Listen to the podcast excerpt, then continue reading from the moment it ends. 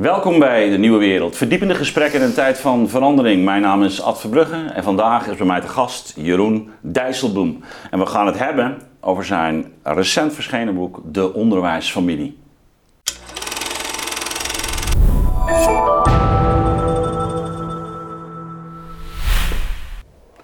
Jeroen, welkom. Ehm, toen ik jouw naam liet vallen, zeiden verschillende mensen: Oh, dan ga je het zeker hebben over zijn tijd bij uh, uh, de Europese, uh, de ECB. De Eurogroep. De Eurogroep. Ja, ECB. ik ga hem even opnieuw beginnen. ECB, de Eurogroep was het. Ik ga hem even opnieuw beginnen. Ja. En je, ja. En je moet ook nog je, je eindejaars... Ja, precies, precies, precies. Ga, ga ik doen hoor, ga ik doen. Oké, okay. doen, we doen vanaf daar. Oké. Okay. Jeroen, toen ik jouw naam liet vallen zeiden uh, verschillende mensen, oh, dan ga je het zeker hebben over zijn tijd bij uh, de, de Eurogroep. Ik zeg, nou nee, we gaan het hebben over zijn uh, boek De Onderwijsfamilie. Misschien dat ik dadelijk nog wel ietsje vraag over je, al die functies die je hebt vervuld, maar we gaan echt ons toch vooral richten op, op onderwijs. Um, voordat we dat gaan doen, um, wil ik toch de kijker vooral uitnodigen om mee te doen met onze eindejaarsactie. Uh, ons doel was 1500 donateurs. We zitten inmiddels op ruim 1700, maar we hebben natuurlijk onze doelen uh, vergroot. We streven nu naar 3000 donateurs. We zijn enorm mee geholpen om alles wat we te doen. om dat zo goed mogelijk te doen. En wilt u volgend jaar weer naar afleveringen kijken van De Nieuwe Wereld. nou, steunt u ons dan genereus. Dat kan tot 31 december. Goed, Jeroen de onderwijsfamilie. Ik moet zeggen, ik heb jouw uh, boekje met uh, genoegen, maar ook wel met enige weemoed uh, gelezen. ik wist dat jij onder, uit een onderwijsfamilie kwam, maar na dit boek gelezen hebbend, realiseer ik me wel, ja, je, je, bent, dit is geen onderwijsfamilie meer, dit is, dit is bijna een onderwijsimperium wat ik hier... Uh, de onderwijsmafia. De, de, de onderwijsmafia. um, nou, jij hebt natuurlijk in uh, uh, is 2007, 2008 de, de, commissie Dijsselbloem geleid. Nou, dat is een... ja, dat heeft geresulteerd in een rapport Tijd voor Onderwijs, waarna iedereen het vervolgens had over het Dijsselbloem-proof zijn van onderwijsvernieuwingen daar heb je wel geschiedenis mee geschreven, zeker in onderwijsland. Um, ja, jouw boek lezend, je beschrijft vier generaties. Um, neem je ook wel het een en ander op van uh, de ervaringen uit die periode? Verwijs je ook naar ja. uh, je werk als voorzitter van de commissie? Ehm, daar wil ik het eigenlijk met je over hebben. Um, en ik, ik trap maar toch maar even af met gewoon de meest onschuldige vraag. Wat bracht jou ertoe om uh, dit boek uh, te schrijven? Deze familiekroniek. Ja, het is eigenlijk een heel particulier project, zeg ik heel eerlijk. Omdat ik het zelf... Um, mijn vader uh, is overleden. veel ooms en tantes die allemaal in het onderwijs 2019, hè, begrijp ik. ja. ja. ja. Uh, veel uh, ooms en tantes zijn in een zeer kwetsbare leeftijd of overleden. Dus je gaat je ook realiseren dat de generatie voor mij was aan het wegvallen. Ja. Uh, en ik dacht, ja, ik heb eigenlijk nooit met hun gesproken over hoe zij nou al die veranderingen in het onderwijs hebben ervaren. Het thema van de commissie uit 2008. Ja, dat schrijf je hier ook. Vind ik toch wonderlijk. Als je nou voorzitter ja. bent van zo'n commissie, wou je dat, is dat een soort zuiverheidsdrang? Ja, ja, ja. ja. Je wilde niet beïnvloed worden door... Ik dacht, ik dacht, als ik nu ga praten met mijn familieleden, die zijn allemaal heel negatief. Of zijn eigenlijk heel... Uh, mild daarover, of misschien zelfs enthousiast, ja. dan gaat dat mijn denken bepalen. Dan ga ik ook dat onderzoekswerk. Ik wist niet veel van onderwijs, zeg ik heel eerlijk, toen ik met die commissie begon. Ik was op andere terreinen actief geweest. Uh, dus ik dacht, dat gaat dan onmiddellijk mijn beeld bepalen. Ga ik met een gekleurde bril uh, daarna het onderzoek doen. Dus dat heb ik niet gedaan. helaas kwam het er daarna ook niet van, omdat ik ging weer hele andere dingen doen. Um, dus ik dacht wel, ja, dit is, dit is het moment. Het tweede was, mijn moeder, inmiddels 88, zag ook haar familieleden wat minder vaak. Dus ik zei ook van, zullen we dan samen, dan kom ik jou ophalen en dan gaan we al die familieleden langs. En dan ga, dan ga ik ze interviewen over hun onderwijscarrières. Dus van nou ja, hun eigen schooltijd tot en met hun periode als uh, docent voor de klas. Dus het was ook een aanleiding om met mijn moeder op stap te gaan. Dus dat was ook heel leuk. Zeg. Ja, want- dus het was een, eigenlijk een heel particulier Ja, op- project. Nou, want als, eh, ook om even een beeld te geven, ik, eh, er staat ergens ook een, eh, een overzicht hè, van, ja, hier aan het begin al. Eh, De stambomen van, van eh, de, de, de, de, ja, het is eigenlijk niet alleen de familie Dijsselbloem zozeer, maar het, ja, Ook- ook, trouwens. ook van mijn maar, moeder, eh, ja. Maar ook van moederskant. Hè. Dus Ja. je, je moeder En dit is- zijn alleen maar de familieleden die dus in het onderwijs werkten. Ja, Want nee, het precies. is een goede katholieke familie. nee, dus ik, ik, ben heel veel namen ook tegengekomen natuurlijk, al, al lezende. Dus je, je, je moeder, die eigenlijk heel jong ook al voor de klas stond, hè, zeer getalenteerde ja. Eh, leerlingen was. En de kweekschool, later Nederlands. Eh, je, je vader, leraar eh, Engels geworden. Al Ja. zijn broers, hè, dus de, de ooms ja. van, van va- vaderskant. De jongens Dijsselbloem smeerden hun brood met onderwijs. Dat was allemaal. Ja. Ja, en het Ja, was en ook een geweldige emancipatieontwikkeling. hè dus mijn opa van vaders kant werkte gewoon op het postkantoor. Was dan eh, zeg maar, chef van de post, eh, postbodes in Helmond. Nou, dat was een respectabel beroep hoor. dat was een keurig Ja. eh, ambtelijk beroep. Maar de mogelijkheid voor zijn vier zoons om in het onderwijs te gaan werken in die tijd was echt een geweldige stap vooruit.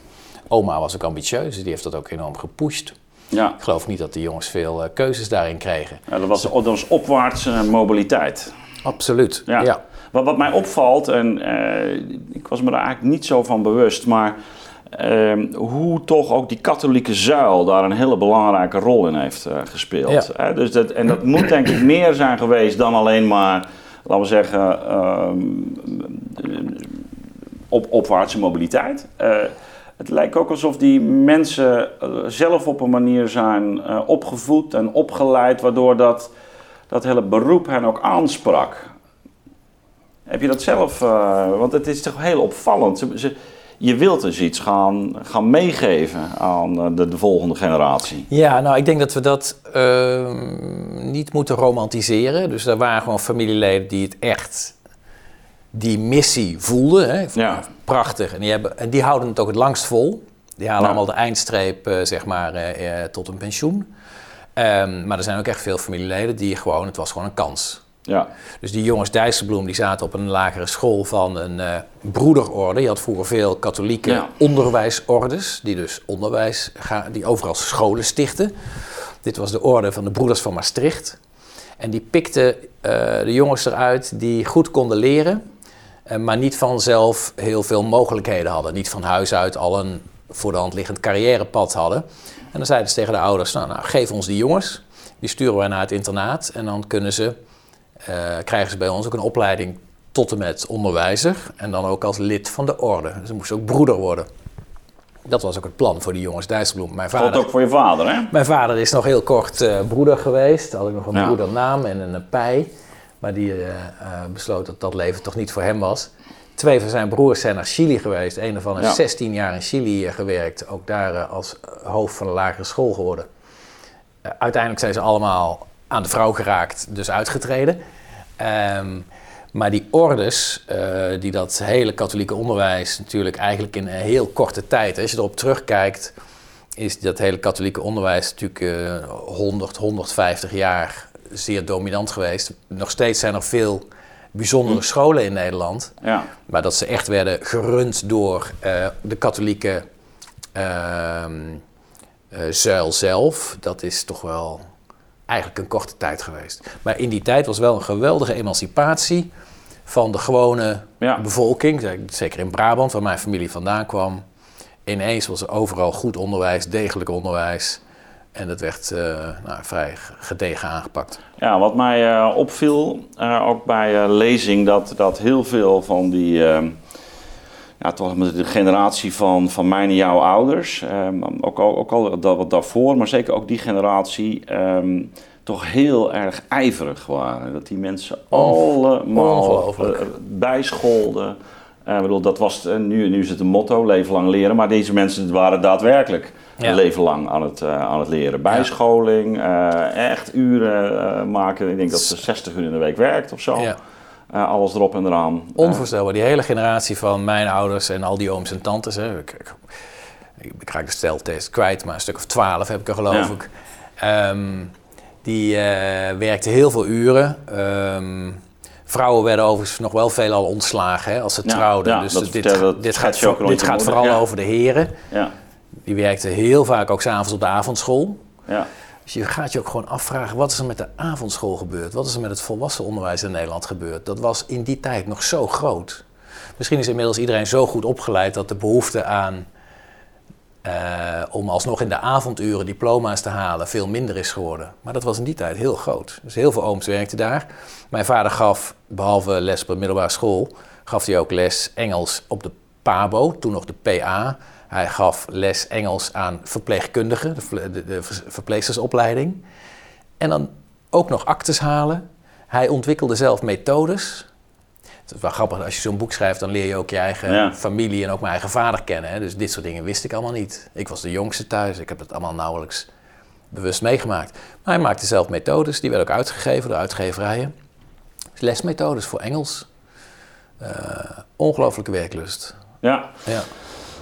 Ja, ik, ik, ik, realiseerde me ook, dat krijg je natuurlijk als kind toch ook wel mee. Ik bedoel, je ziet het wel om je heen. Ik dacht ook, eh, je hebt je natuurlijk in de eurogroep ook nogal streng opgesteld. Zou dat ook vanuit zo'n familieachtergrond komen? Van die, deze enorm hardwerkende, zuinige eh, eh, familieleden die, die eh, nou, echt wat willen opbouwen. Het, is, het lijkt me toch wel ook een mentaliteitsvorm. Ja, waarschijnlijk wel. Waarschijnlijk wel.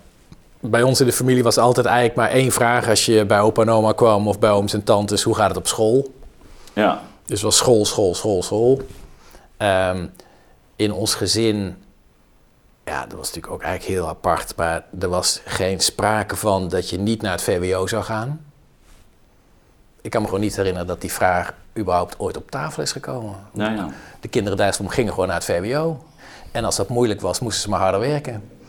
Eh, ik heb ook jarenlang bijles gehad van een van die ooms. Die gaf mij dan wis- wiskunde en natuurkunde elke Was vrijdagavond. dat Jacques? Of, of niet? Nee, dat was oom François. Oh, François. François Dat was ook mijn, eh, François, mijn ja. peetoom. Dus die was Ja. voor, voor mij een belangrijke, een belangrijke oom. Ehm, Natuurkunde, hè? die, natuurkunde, ja, ja. ja. Een enorme passie voor zijn vak. Dat was dus echt een van die mensen die echt... Hij heeft tot ver na zijn pensioen... Er was natuurlijk eh, tot, nou, tegenwoordig heel veel eh, tekort aan eh, onder andere natuurkundeleraren. Dus hij heeft na zijn pensioen, nou, ik schat nog wel tien jaar... eh, natuurlijk in deeltijd, eh, ingevallen als natuurkundeleraar. En hele jaren nog voor de klas gestaan op andere middelbare scholen, op verschillende plekken in Brabant, omdat men gewoon geen natuurkundeleraar had. Ja. Dus dan was hij de 70 al gepasseerd, stond hij nog voor de klas. Jij, jij, jij start met de eerste generatie, dat is jouw opa, Visser. Die eh, eh, uiteindelijk, ja, misschien wel onder zijn niveau, wie zal het zeggen, maar in ieder geval eh, toch de kant op gaat van het, ja, wat we nu dan de, de ambachtschool noemen. Ja, ambachtschool. Ja. Ehm, uiteindelijk werkt hij zich daarop en wordt hij ook directeur van een, van een ambachtschool. Ehm, er is natuurlijk met dat beroepsonderwijs heel veel gebeurd af, Ja. afgelopen. Je verwijst er ook naar, ook eh, in, in het boek. Ja. Ehm, ik heb toch wel, ook, ook als ik dit nu lees, ook wel het gevoel van... we hadden wel een soort ambacht, ambachtstraditie van vakmanschap, hè? Ja. Daar. Dat is, eh, je, je, je beschrijft ook hoe eh, jongens die niet een bepaald niveau haalden, ja, die moesten ook gewoon eh, van school af. Hè? Dat was het, je, je, moest echt wel iets presteren. Ja. Het was wel hand, vaardigheidsonderwijs of ambachtelijk Ja. onderwijs, maar wel heel duidelijk aan, standaarden verbonden. Nou, je beschrijft eigenlijk die overgang van, van De vro- am- ambachtsschool, dan vervolgens LTS naar de, naar de Mammoetwet. Eh, ook het hele fenomeen van eh, een A, B, C, D-niveau, eh, wat we daar eh, kennen. Uiteindelijk naar het, eh, het ontstaan van wat we dan nu het VMBO, hè, met de Ja. theoretische en praktische leerweg. Hoe, hoe kijk jij nou zelf terug, hè, ook vanuit die familieachtergrond, naar, naar die ontwikkeling van dat beroepsonderwijs? Nou, het is precies zoals je beschrijft, omdat ik die generaties achter elkaar zet. Als je dus dit boek leest, dan lees je dus door die generaties heen de verwording eh, van Ja. ambachtschool tot ROC Ja, eh, of VMBO. ja VMBO, ROC, ja. ja. En er zitten gewoon twee kanten aan, in alle eerlijkheid. Want die ambachtsscholen waren eh, echt vakopleidingen. Hè. Je leerde echt een vak. Op de school van mijn opa kon je weven, hout, dus meubelmakers, ehm, metaal, en elektrotechniek, dat was het. Ja. Elektro natuurlijk, voor Philips, eh, Ja. die inmiddels groot was eh, in Eindhoven. De textielindustrie was groot in Brabant. Dus die jongens werden ook gewoon opgeleid voor de firma Raaimakers. En Ja. eh, textielweverij in Helmond. Zo simpel was het. Dat had iets heel moois. veel gewoon waardering voor het vakmanschap.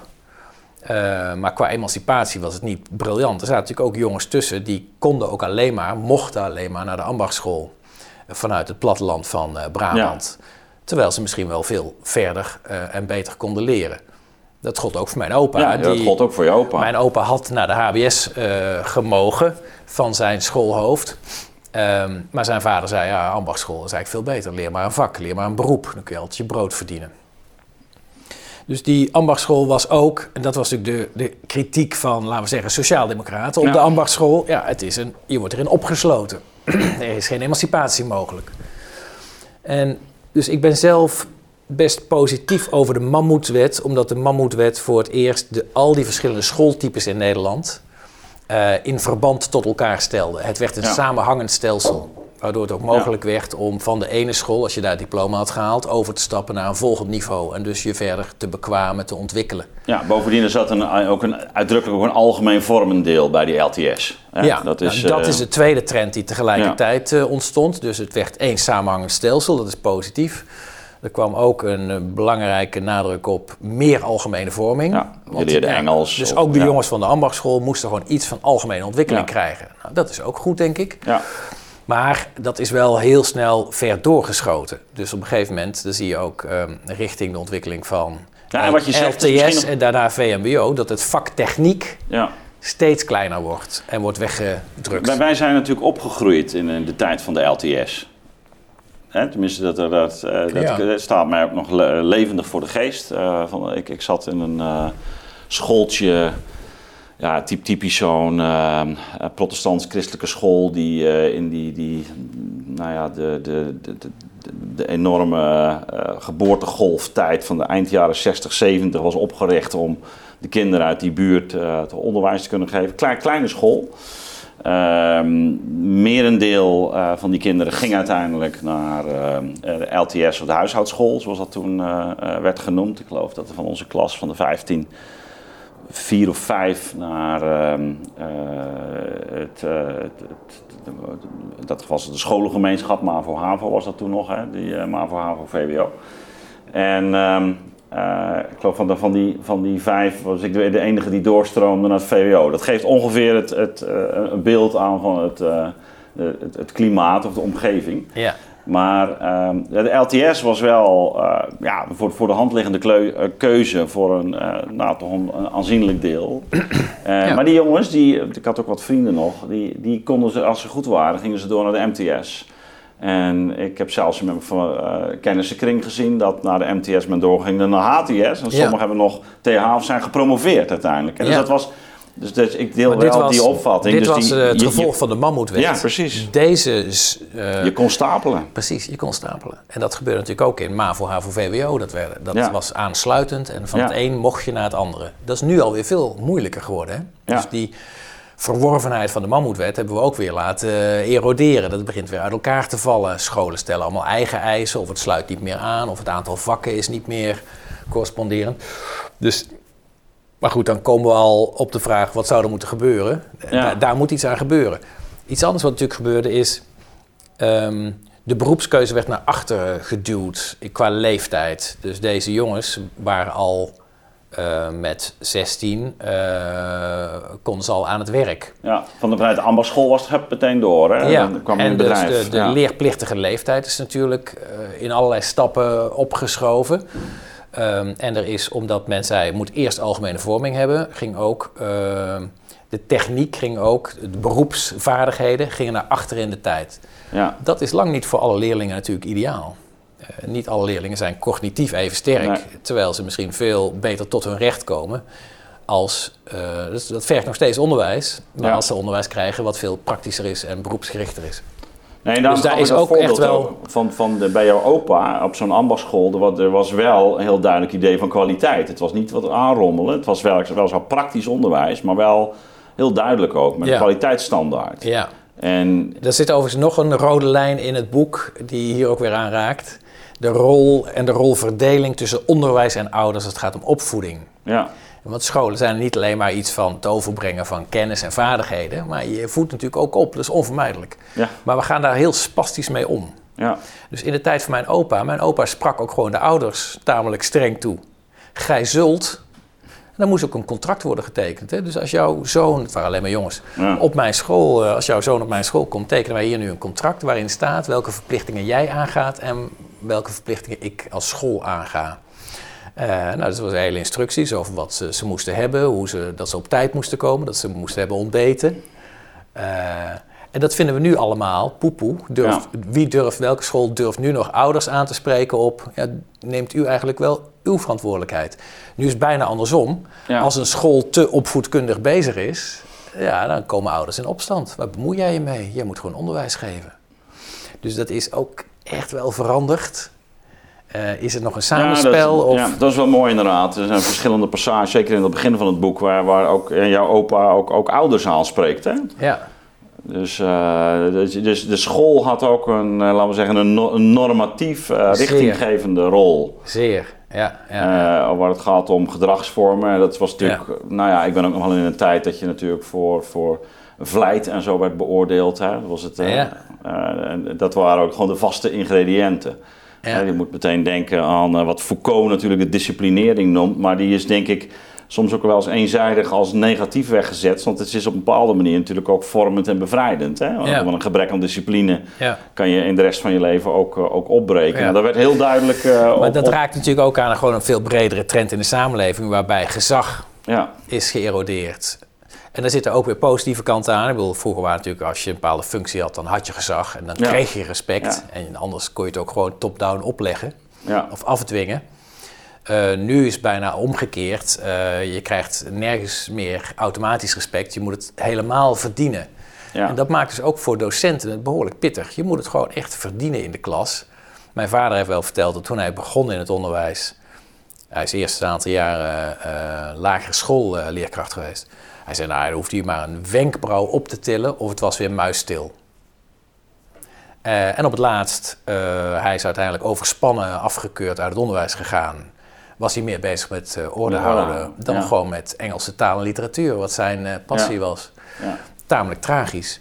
En nou hangt, is, hangt natuurlijk ook heel erg af van wat, laten we zeggen, het, het pedagogisch klimaat op een school als zodanig is. Hè? ja, Als je dat nu met elkaar als collega's eh, doet en dan heb je een directeur, dan zal het al snel wennen. ja, Eh, eh, bedoel, dat hoor je ook wel. Maar op Ja. het moment dat je daar alleen voor staat, niet gedekt wordt, Nee. dat het andere docenten, andere docenten volledig laten gaan. helemaal niet. Je mag hier alles, ja. Dan wordt het natuurlijk ook steeds lastiger.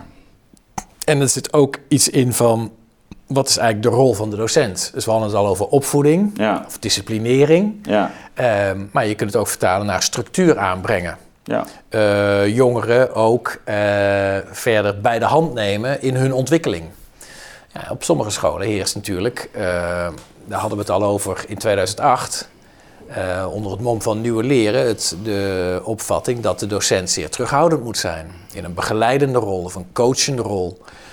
In sommige scholen gaat het nu al zover dat het woord leraar niet meer gebruikt mag worden. ja. Want je bent geen leraar. Ja, het past. eh, jij, bent, jij bent misschien een, nog een eh, sociaal-democraat van het oude stempel. Hè? Er zit eh, duidelijk ook in je boek wel een verheffingsideaal, als ik Ja. zo vrij mag zijn. Ja, zeker. Ehm, ik denk dat je binnen de PvdA ook destijds al gold als een iets meer de, de conservatievere Ja. stem. En dat, ik denk dat, dat, dat die term conservatief, Normatief. progressief. Ja. of normatief, dat dat een beetje... Eh, ik zou zeggen, nou, het conservatieve is misschien nu wel juist het progressieve, maar goed. Hè, dat, eh, maar dat is, was wel, denk ik, het, eh, het, het- de naam die je, die je, die je had. Ja, Ehm, maar ik kan, als ik nu reconstrueer wat er zo vanaf de jaren 80, 90 ook in het onderwijs is gebeurd, eigenlijk toch wel zeggen. Ook een neoliberaal mensbegrip heeft zich ook heel sterk gemaakt eh, in, in de onderwijswereld. Ja. Ook Ja. didactiek. Niet alleen in, laten we zeggen, hoe scholen en leraren afgerekend worden, maar heel het model van de, bijvoorbeeld de, de, de zelfwerkzame leerling, die verantwoordelijk wordt voor zijn eigen leerproces. ja, ja. Uh, heel het idee dus eh, ook van, van eh, ja, belonen, prikkelen, waarin dat individu eigenlijk toch heel sterk de eigen verantwoordelijkheid krijgt op Ja. een hele jonge leeftijd. Ja, dat past helemaal bij, eh, nou ja, wat later op de zelfredzame burger. eh, zo- maar dat is echt een, een, een heel neoliberaal uitgangspunt, hè, Ja. kern. Het is natuurlijk een eh, soort reflectie van de individualisering die extreem, Ja, tenminste in mijn ogen, extreem is doorgeschoten. Ehm, terwijl eh, de ontwikkeling van jongeren als burgers van een gemeenschap, ja, dat is een hele andere manier van kijken naar eh, onderwijs. Ja, Ehm, maar het is inderdaad steeds individueler. Het leerplan is, als er al een leerplan is, is het ook eh, individueel. Ehm, dat vraagt enorm veel van eh, leraren. Die moeten dus meer zich richten op het, eh, vooral administratief, de ontwikkeling van het individuele kind. ja, In plaats van met de groep te proberen stappen te zetten in niveau en ontwikkeling. ja En natuurlijk, absoluut. natuurlijk hou je daar altijd rekening mee met niveauverschillen en tempoverschillen van leerlingen. Ehm, ik weet nog wel dat ik op de eh, middelbare school bij geschiedenis was ik zo irritant, omdat ik altijd alles beter weet, dat, beter wist, eh, Mhm. dat de leraar mij altijd extra werk gaf. Eh, Ga jij maar een scriptie schrijven over Napoleon? Dat deed, ik dan, dat deed ik dan ook nog. Dus daar hou je altijd rekening mee. Maar mijn oom André in dit boek is daar een mooi klassiek voorbeeld van. Die zei wel van ja jongens, ik ga niet ehm, voor elk individueel eh, kind onderwijs geven. Ik ga ook niet mijn standaarden verlagen omdat er een nieuwe populatie in mijn school in Rotterdam was dit, Rotterdam-Noord, is gekomen. Ik geef geschiedenis. Eh, en dit is het curriculum. Dit is wat ik geef. De trein vertrekt. Eh, Ja. Zorg dat je aan boord bent.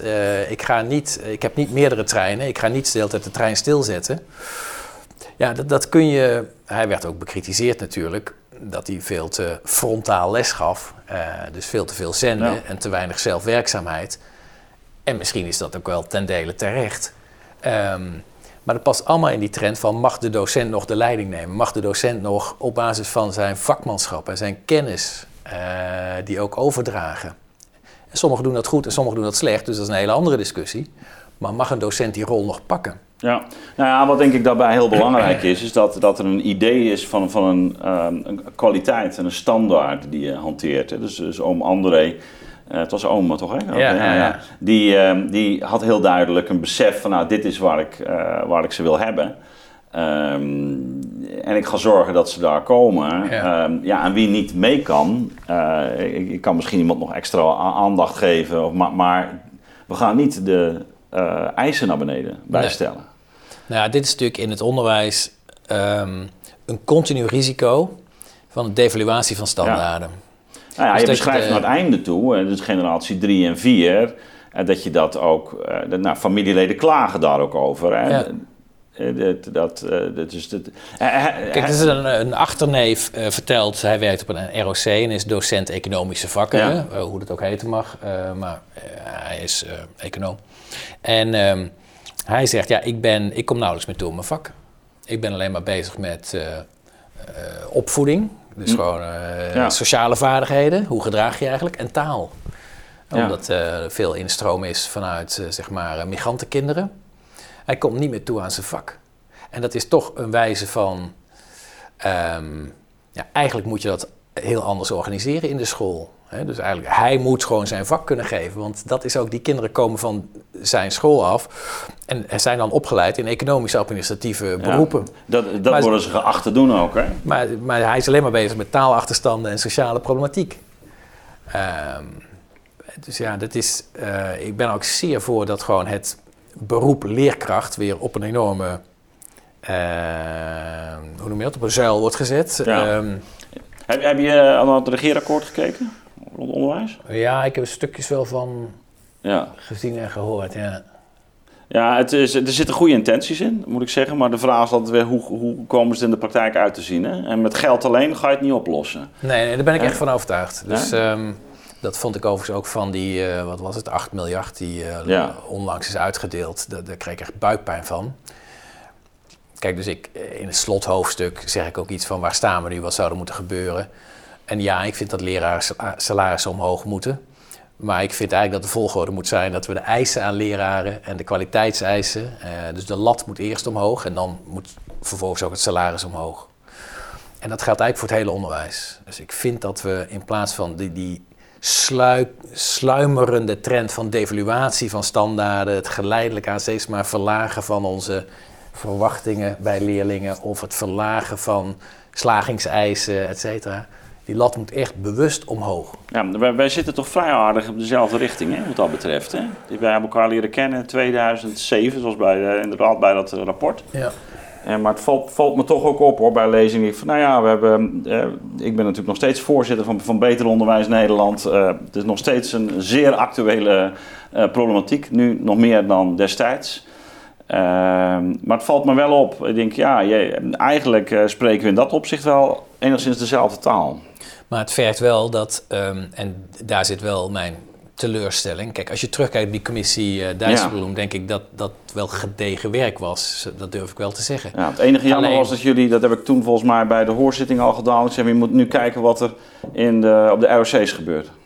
Ja. Uh, ja, en toen weet ik nog dat nou, jij zei op een van de commissieleden, ja, maar dat zit niet bij onze opdracht nu. Dat klopt ook. Ja. Maar het was, het was, je hebt, we hebben het nu over de ROC's. Het was wel ondertussen uh, precies een um, ontwikkeling die, die gaande ja. was. Is daarna geloof ik al gebeurd. Hè? Dus de Kamer mm. uh, heeft later wel nog extra onderzoek gedaan naar competentiegericht ja, onderwijs. competentiegericht onderwijs. Dat werd ja. toen ingevoerd op de ROC. Ja, en nu, is het, nu heet dat gepersonaliseerd leren. Ja, ja. dat, het, Kijk, maar um, je, ik, ik kan niet met... We hebben heel veel impact gehad en het, is, het, het heeft echt wel op allerlei terreinen invloed gehad. Maar op het fundamentele vraagstuk van pak nou de politiek. Enerzijds moet de politiek loslaten wat mij betreft als het gaat om methodologie, pedagogiek, didactiek. Nou, dat was het onderscheid dat jullie ook aanbrachten. Precies, maar de politiek moet echt heel scherp zijn op uh, wat verwachten we nou eigenlijk van het onderwijs? Wat is de standaard? Wat moet er geleerd worden? Ja.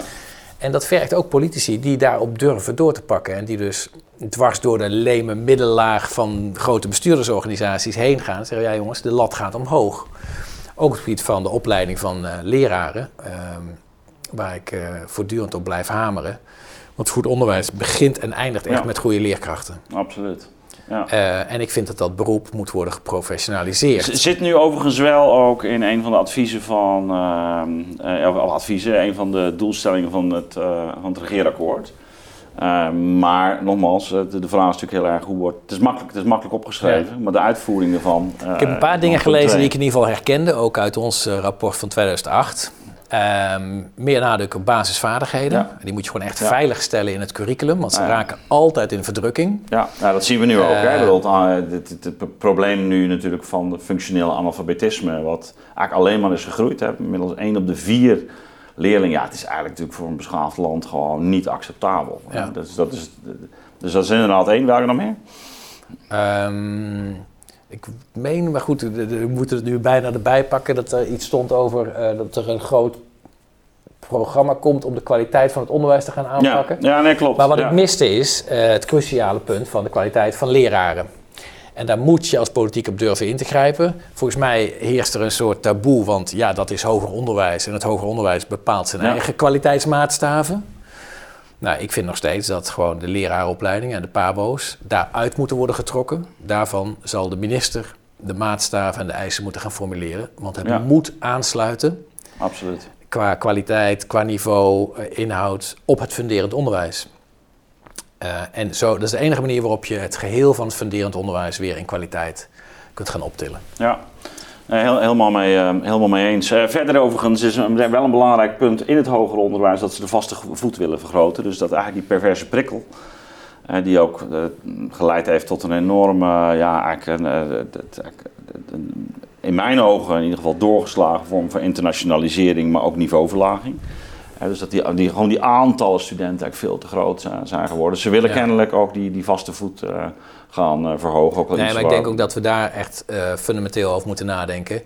Hoe de concurrentie, en dat is in het hoger ja. onderwijs, maar ook in het, in het voortgezet onderwijs, is ook inmiddels een enorm probleem. De concurrentie ja. tussen scholen om de leerlingen neemt echt perverse vorm aan. Hè. De schrijnende verhalen van dat op de open dag, waar dus de ouders en de nieuwe leerlingen worden binnengehaald, um, het tuincentrum allemaal palmbomen komt neerzetten. Ja. Die de dag na de open dag weer worden weggehaald. En het is dus allemaal totale geldverspilling. Dus we moeten ook een vorm vinden om scholen um, meer langjarig te financieren, hè? de vaste voet. Ja. Uh, zodat ze minder afhankelijk worden van die enorme druk om de strijd om de leerling. Ja. Want de leerling is budget. Ja, nou ja absoluut.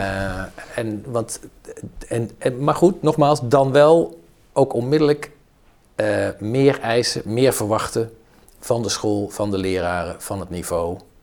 Ja. Uh, dan hoeven ze ook niet meer zich te richten op zeg maar de markt uh, en de concurrentie. Nou, nou, heb jij natuurlijk ook wel in, in kabinetten gezeten die, die juist heel erg, nou ja, laten we zeggen, een, in, in een bestuursopvatting zijn meegegaan, waarin die overheid eigenlijk zich wat meer terugtrok.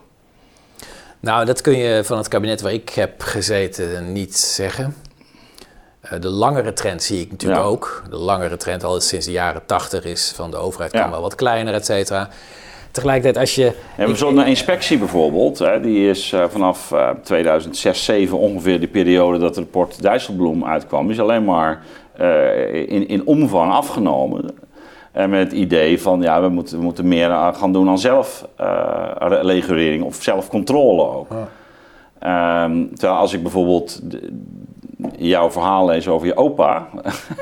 en met een inspectie die werkelijk, uh, nou ja, uh, een week lang uh, de boeken door kwam nemen. Een week lang, ja. ja. Meerdere mensen. Ja, ook, ook, ik bedoel, dat is echt wel het cliché van Zoetermeer kijkt mee met ieder potloodje. Hè? Dat ja. was...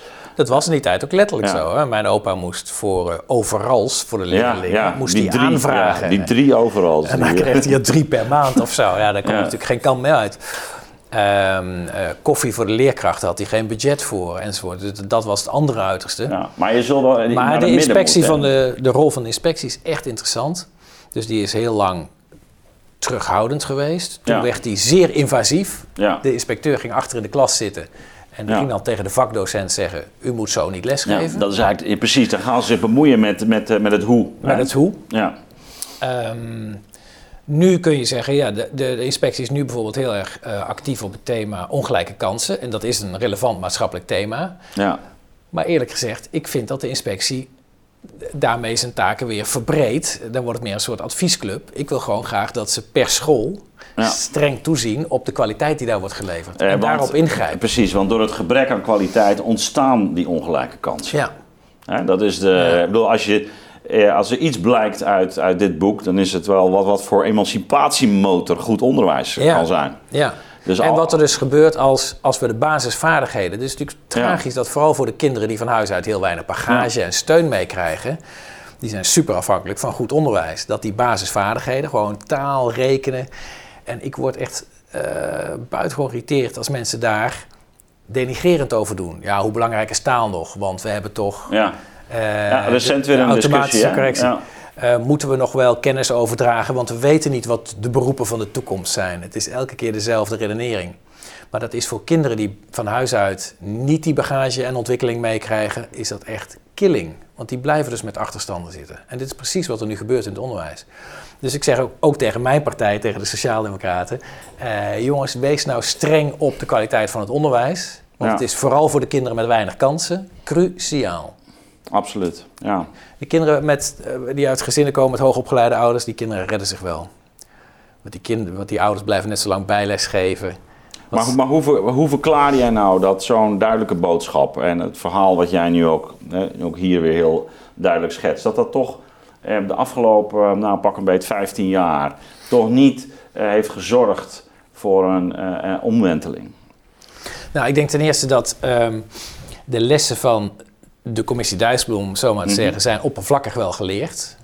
Uh, maar diep leren niet. Diep leren is namelijk echt nadenken Gewoon over... internaliseren wat, echt wat internationale, dit Wat betekent dit nou? Wat is nou eigenlijk onze rol? Waar moet de overheid dan op sturen? En dan ook als Kamer daar bijna programmatisch op gaan zitten. En zorgen dat de inspectie daarop zit.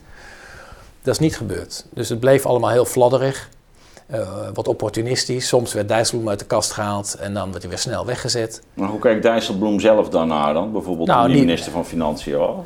Nou, ik heb in, uh, tot in de ministerraad debatten gevoerd met de hmm. minister van Onderwijs over het onderwijsbeleid. Dus ik ben me daarmee blijven bemoeien. Ja. Uiteraard ook met mijn fractie. Van ja jongens, wat zijn jullie nou aan het doen? Denk even na. Uh, weet je, let nou hierop, let daarop. Het tweede is... Um, Oh, daar ben ik mijn redenering kwijt. Nou, dus, dus de, de vraag was, eh, dus, dus, uh, hoe komt het nou dat die boodschap die jij daar duidelijk neergezet hebt, die ook eigenlijk wel breed klonk ja. in die periode. Het tweede is, is, is, heel politiek ideologisch. En er zitten twee stromingen in die uh, een, een, lelijke mix op hebben geleverd. Um, we hebben de afgelopen jaren uh, CDA's en ChristenUnie-ministers gehad. En die zitten hier gewoon echt anders in de wedstrijd. Die vinden niet dat de overheid moet interveneren op nou, dat, is vanuit artikel, dat is vanuit artikel 23. Ja. ja eh, wat mij betreft totaal verkeerd doordacht uh, en een verkeerde interpretatie van artikel 23. Want in de grondwet staat, behalve artikel 23, ook gewoon dat de overheid moet zorgen voor kwalitatief goed onderwijs. Ja, jullie refereren er ook aan in het rapport. Ja, de verantwoordelijkheid, de kerntak. Pak die verantwoordelijkheid, die staat notabene in de grondwet. Dus de stelling, ja, ik, ik kan toch niet gaan, we gaan bemoeien met het curriculum van scholen of met de eindtermen van scholen. Ja, dat moet je juist wel doen. Dus ik heb gewoon terughoudende ministers gezien. De laatste minister uh, was ook weer zeer terughoudend om daar echt om van kwaliteit van onderwijs een groot thema te maken. Ja, nee, absoluut. Maar sla de kranten open. Het is een groot thema. Dus waar is de minister? Dus dat is. En de andere in die mix is um, meer de, de liberale opvatting. Die zich bijvoorbeeld heel erg verzet tegen strengheid. Uh, die zich verzet tegen toetsen. Dan krijg ja, je dat de is meer bijna, libertair dan, hè? Want het is, het is, liberaal is ook een beetje een uitgewoond woord, maar het is inderdaad een, soort van nou, vrijheid. Uh, ja, laat het kind zich ontwikkelen, laat scholen vrij. Geen toetscultuur, hè? Dat Toetscultuur werd een heel lelijk woord. Nou, ik ben, zoals jij zei, een ouderwetse sociaaldemocraat. Ik weet dat objectieve toetsing voor de emancipatie van arbeiderskinderen... Van levensbelang. Enorm belangrijk was. Ja. Want er moet ze nu en dan objectief worden vastgesteld. Waar staat een kind? Hoe ontwikkelt het kind zich? Wat zijn potentieels en talenten? Ja. Uh, en dus is toetsen uh, uh, nodig. En dan wordt vaak gezegd, ja, maar zielig, er ontstaat stress. Nou, die stress wordt veelal door, door ouders veroorzaakt. En neemt weer af als je gewoon vaker met enige regelmaat gewoon toetst op bepaalde basisvaardigheden. Ja, en, als, kijk, en als een, als een leraar gewoon zorgt dat, dat die basis op orde is uh, dan is het slagen voor een test juist iets wat, wat kinderen zelfvertrouwen geeft. Ja. dus uh, dan, uh, ik, ik, denk dat het ongelooflijk belangrijk is dat je als kind gewoon die ervaringen hebt, dat je iets kunt, dat je iets in de vingers krijgt. Dat, dat, dat, dat ook voor je zelfrespect ja. enorm goed is en, en voorkomt ja, dat er ook allerlei therapeutische uh, zeggen, regimes ontstaan. Terwijl de kern misschien is gewoon laten we gewoon zorgen voor een goede leraar. Ja. Uh, in plaats van uh, denken dat, dat, dat er met het kind allerlei dingen mis is. Want dat zien we nu natuurlijk ook. Hè. Er, is, er is een medicalisering van het onderwijs opgetreden de afgelopen twintig jaar. Waarin ja, het, op een gegeven moment niet meer goed kunnen lezen is een, is een stoornis. Uh, niet meer goed kunnen rekenen is een stoornis. Ja. Ja, en dan krijg je dus een heel andere blik naar, naar, ja. wat, naar wat er eigenlijk gaande is. En dan ga je het individuele kind uh, één voor één allemaal, uh, al dan niet gemedicaliseerd, behandelen. Ja. Uh, terwijl ik het ook zeggen, zullen we eens beginnen met gewoon de basiskwaliteit voor de hele groep, voor de hele school op te tillen. Ja. En het kan, er zijn voorbeelden van scholen, inmiddels heel veel, waarbij ja, een school te lang zwak of zeer zwak was dan uh, eindelijk wordt er ingegrepen of het bestuur grijpt uh, eindelijk in. Er worden onderwijsmethodes vervangen. Het hele team wordt intensief getraind en bijgeschoold. Maar dat kan gewoon. Uh, er komt soms nieuw management. Leraren die niet mee willen, moeten ook gewoon vertrekken. Ja. Als je niet die bijscholing wil, omdat je jezelf daar te goed... of als je niet met het team wil werken aan kwaliteitsverbetering... ga dan iets anders doen. Verlaat het onderwijs. Het kan. Je kunt een school in vrij korte tijd op een hoger niveau brengen absoluut. Jeroen, ik uh, zou graag nog veel langer praten, maar we zitten een beetje met tijdsdruk, helaas. Ik hoop uh, dat je hier nog een keer op een ander moment het gast kunt zijn, dat we nog een keer uh, nog wat thema's bij de, en, en, wellicht dan ook nog over de Eurogroep kunnen praten. Ik wil je in ieder geval ontzettend bedanken voor je komst. Ja, jij bedankt. Ehm, misschien toch nog één vraag. Ehm, minister van Onderwijs ooit? Ja, die vraag krijg ik heel veel. Ja, ja mijn handen jeuken. Ja? ja, maar kijk... dat is goed om te horen. Ik denk dat het ongelooflijk belangrijk dat, is. Dat begint bij de Nederlandse kiezer, zoals je weet. Ja, ja, dus nou, ik, ik, wil daar geen grote verwachtingen... Ja, nee, maar het is, eh, het is niet iets wat je uitsluit, dus nee. Nou ja, weet je, het is zo belangrijk. Ja. En een minister van Onderwijs kan echt het verschil maken. Ik bedoel, dat kan een minister sowieso, weet ik uit ervaring. Eh, maar ook op onderwijs. Maar dan moet je wel de ambitie hebben om dat onderwijs op te tillen. Ja, Nou, heel goed. Hey, dank, je, dank je wel. En aan de kijker nog, wilt u meer van dit soort uh, programma's zien volgend jaar? Uh, steun ons bij de eindejaarsactie. En dan uh, zorgen wij dat we volgend jaar weer met frisse moed tegenaan gaan. Dankjewel. Dankjewel.